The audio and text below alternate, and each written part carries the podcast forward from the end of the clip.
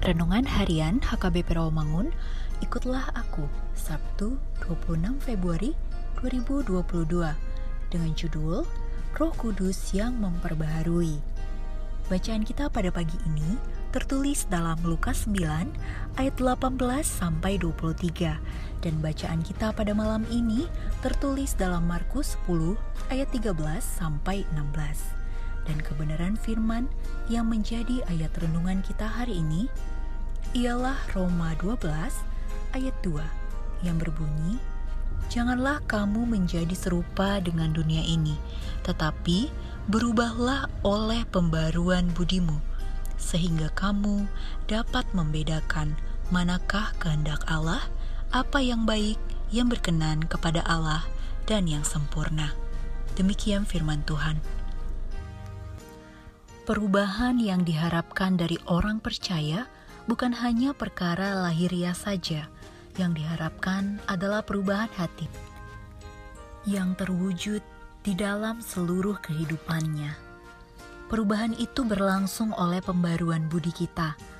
Hasil dari pembaruan budi ini adalah mampu membedakan manakah kehendak Allah. Kehendak Allah ini tidak dengan sendirinya, karena pertama, di dalam kehidupan sehari-hari, seorang kita diperhadapkan dengan berbagai keadaan.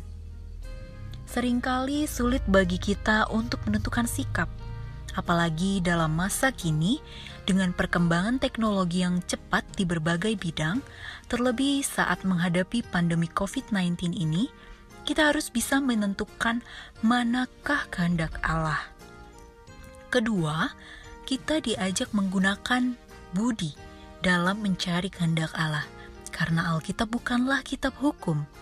Alkitab bukan merupakan hukum yang baru, tetapi justru memberi kita kebebasan sebagai anak-anak Allah.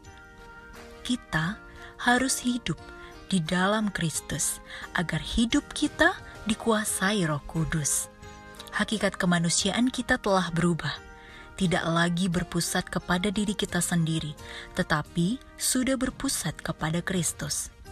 Pada saat Yesus masuk di dalam kehidupan kita, maka kita sudah menjadi orang baru, pikiran berbeda, karena ada Kristus di dalam kita.